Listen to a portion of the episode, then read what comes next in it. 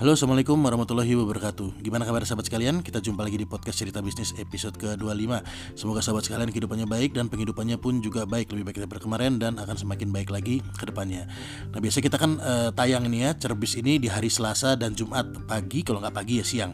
Cuman karena uh, Selasa kemarin kita itu full ya Full kegiatan di luar Dan baru sampai di rumah itu setelah maghrib Maka uh, kita baru sempat menayangkan podcast ini di hari Rebu. Kita tag di Rebu dan kita uh, tayangkan di hari Rebu nggak apa-apa lah belajar satu hari ya. Ya mudah-mudahan kita bisa lebih konsisten lagi ke depannya untuk tetap tayang di Selasa dan Jumat. Namun kalau misalnya ya ada sesuatu dan lain hal dan harus bergeser ya kita minta mohon maklumnya juga ya Nah, seperti biasa podcast ini disupport oleh bantubisnismu.com, BBDC dan Quantum Sinergi Umat di mana bantubisnismu.com adalah salah satu perusahaan saya yang beraktivitas mencari dan menseleksi bisnis yang potensial untuk diajakin kerjasama. Dan QSU adalah lembaga keuangan yang menyediakan pendanaan untuk proyek yang telah disortir oleh BBDC tadi.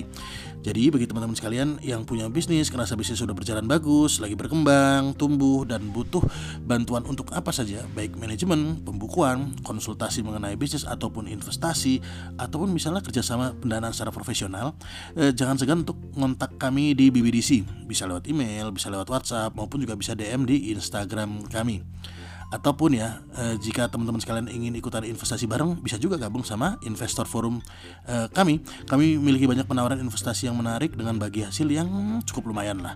Proyek-proyek kami bisa dilihat di website kami di qsu.co.id monggo teman-teman sekalian mampir ke website kami agar teman-teman bisa mengetahui proyek-proyek apa saja yang tengah kami kerjakan kami juga punya channel YouTube namanya Bantu Bisnismu. Sama, di sana kami juga membahas tentang bisnis, keuangan dan manajerial. Teman-teman sekalian juga monggo mampir ke channel YouTube kami dan kami minta bantuannya ya untuk mensupport channel YouTube kami. Semoga teman-teman sekalian juga bisa mendapatkan manfaat dari channel YouTube tersebut.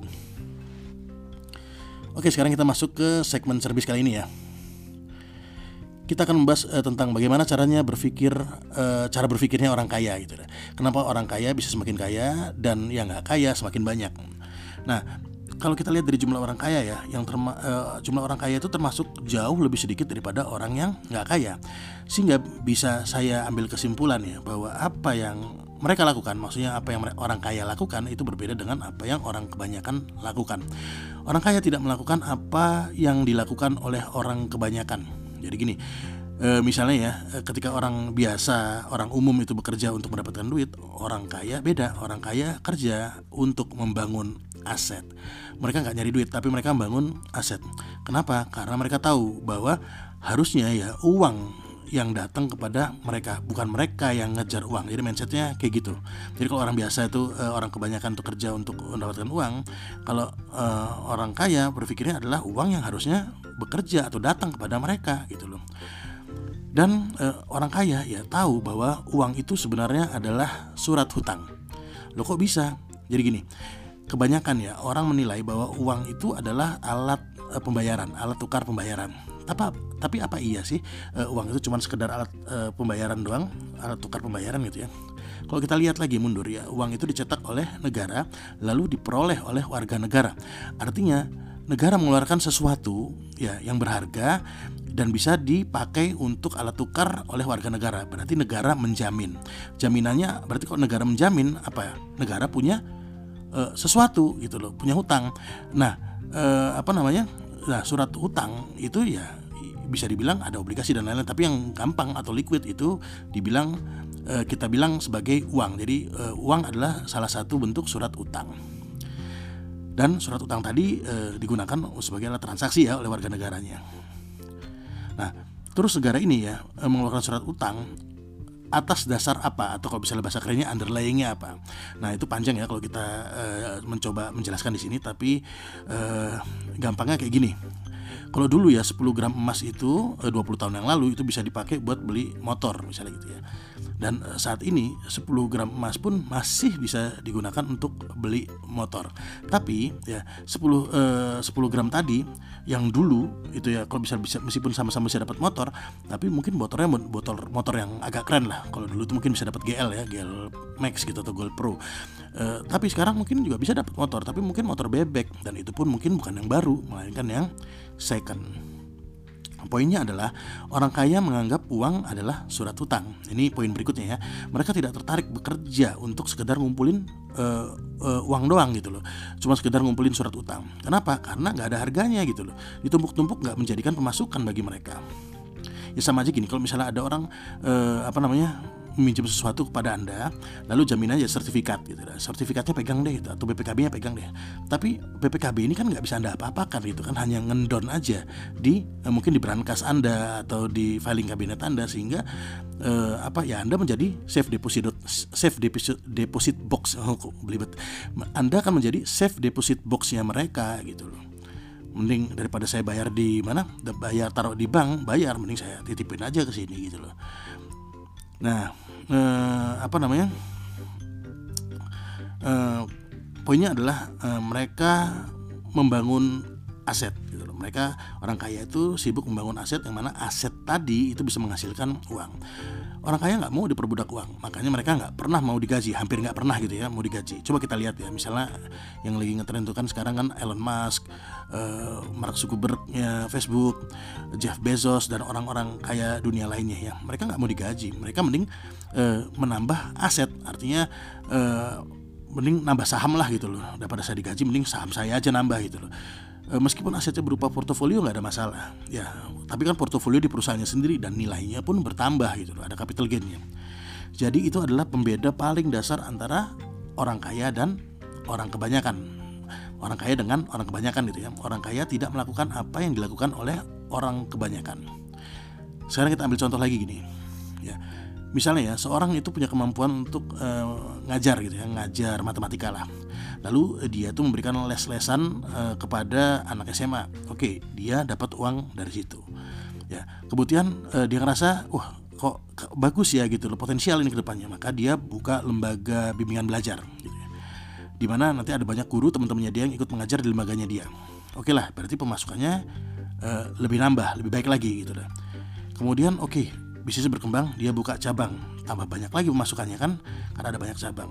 Artinya dia dan timnya bekerja uang baru masuk Nah, tapi kalau misalnya orang kaya milenial gitu, sekarang kan ini zamannya sudah bergeser ya, zaman milenial, artinya semuanya digital. Nah, orang kaya baru itu cara mikirnya beda.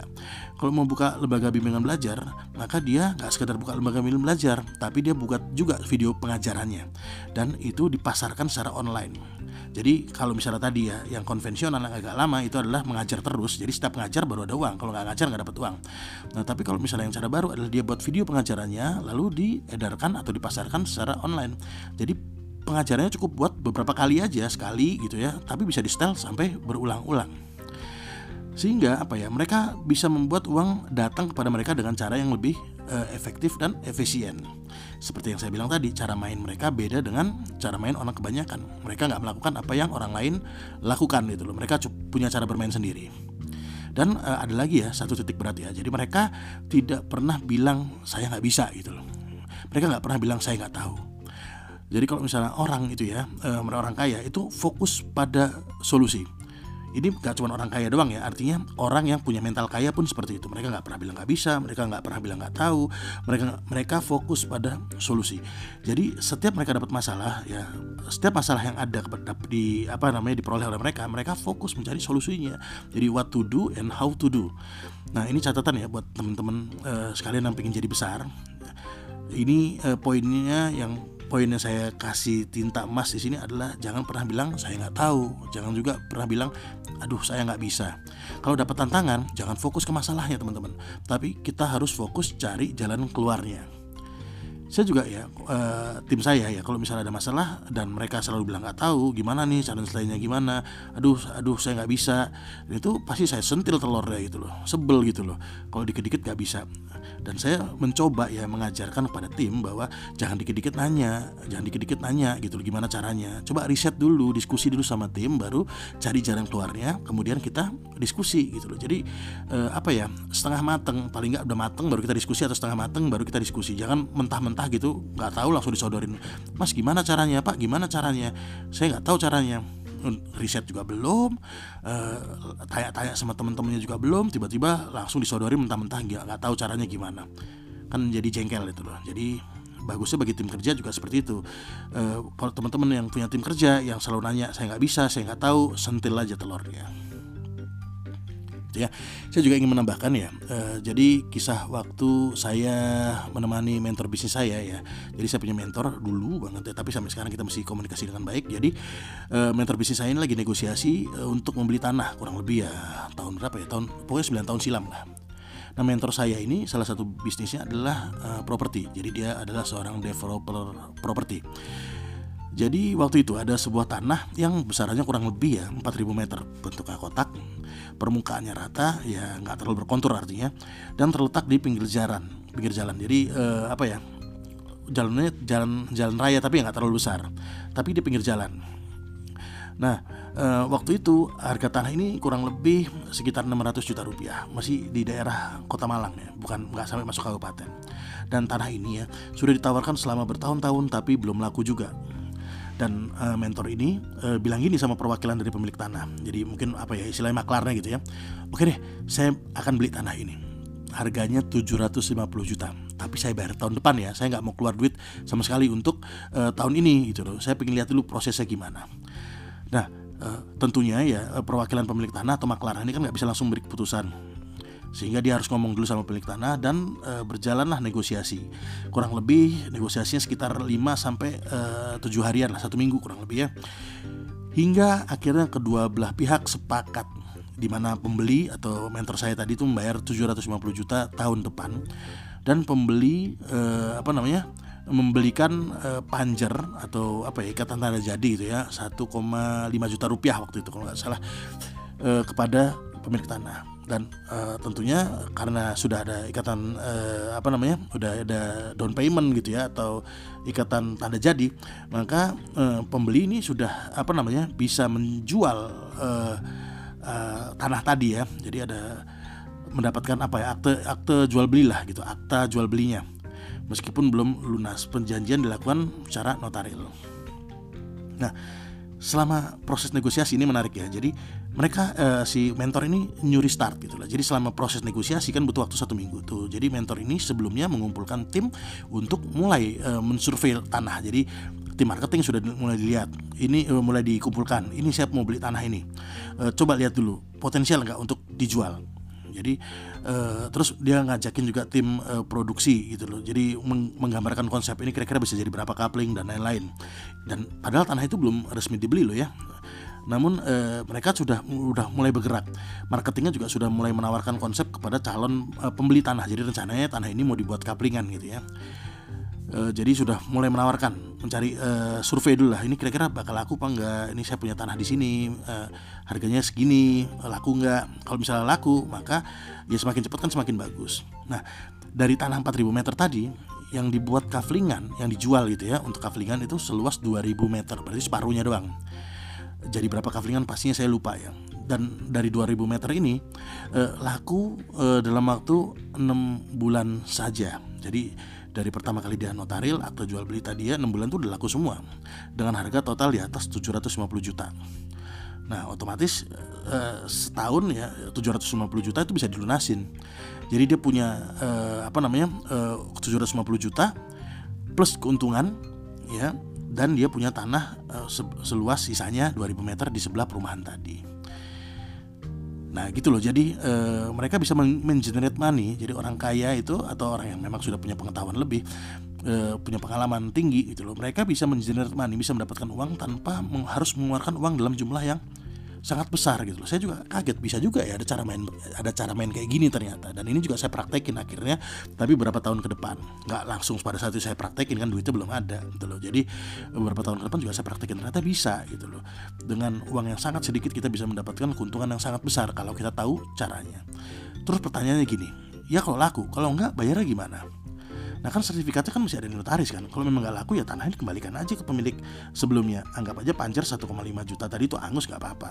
Toh e, pemilik tanah juga hampir noting tulus ya karena bertahun-tahun tanah ini juga belum belum laku kan. Dulu susah untuk ngelakuin. Jadi noting tulus lah dapat 1,5 juta lebih baik daripada nggak dapat apa-apa gitu loh. Toh kalau bisa berhasil ya dapat e, 750 juta. Jadi poinnya adalah orang kaya itu cara berpikir dan cara mainnya beda dengan orang kebanyakan. Mereka bisa menghasilkan uang eh, apa namanya? uang mengenerate money banyak gitu, uang menghasilkan uang lebih banyak dengan hampir tanpa mengeluarkan uang di depan. Nah pertanyaannya lagi gini, kalau segampang itu jadi orang kaya, kenapa orang kaya di dunia ini nggak banyak? Ya gimana ya, ada banyak faktor ya. Salah satunya adalah mungkin apa ya banyak teori tapi no action gitu loh. Hanya sekedar mendengar, hanya sekedar mencatat tapi tidak melakukan. Saya sendiri pun juga eh, apa ya masih terus belajar untuk eh, selalu berpraktek gitu loh. Eh, gagal pun nggak jadi masalah gitu loh dikomentari gini gitu sama orang lain juga nggak apa-apa prinsip saya pribadi adalah selama berhasil maka benar gitu loh tapi itu kan saya nah gimana dengan anda apakah uh, teman-teman sekalian sudah punya mindset kaya pertanyaannya ya so mungkin uh, demikian dulu ya uh, cerita bisnis kita kali ini semoga uh, yang sedikit ini bisa bermanfaat buat teman-teman sekalian terutama buat saya pribadi sebagai pengingat diri saya mundur diri dulu sampai jumpa di episode uh, cerbis selanjutnya. Wassalamualaikum warahmatullahi wabarakatuh.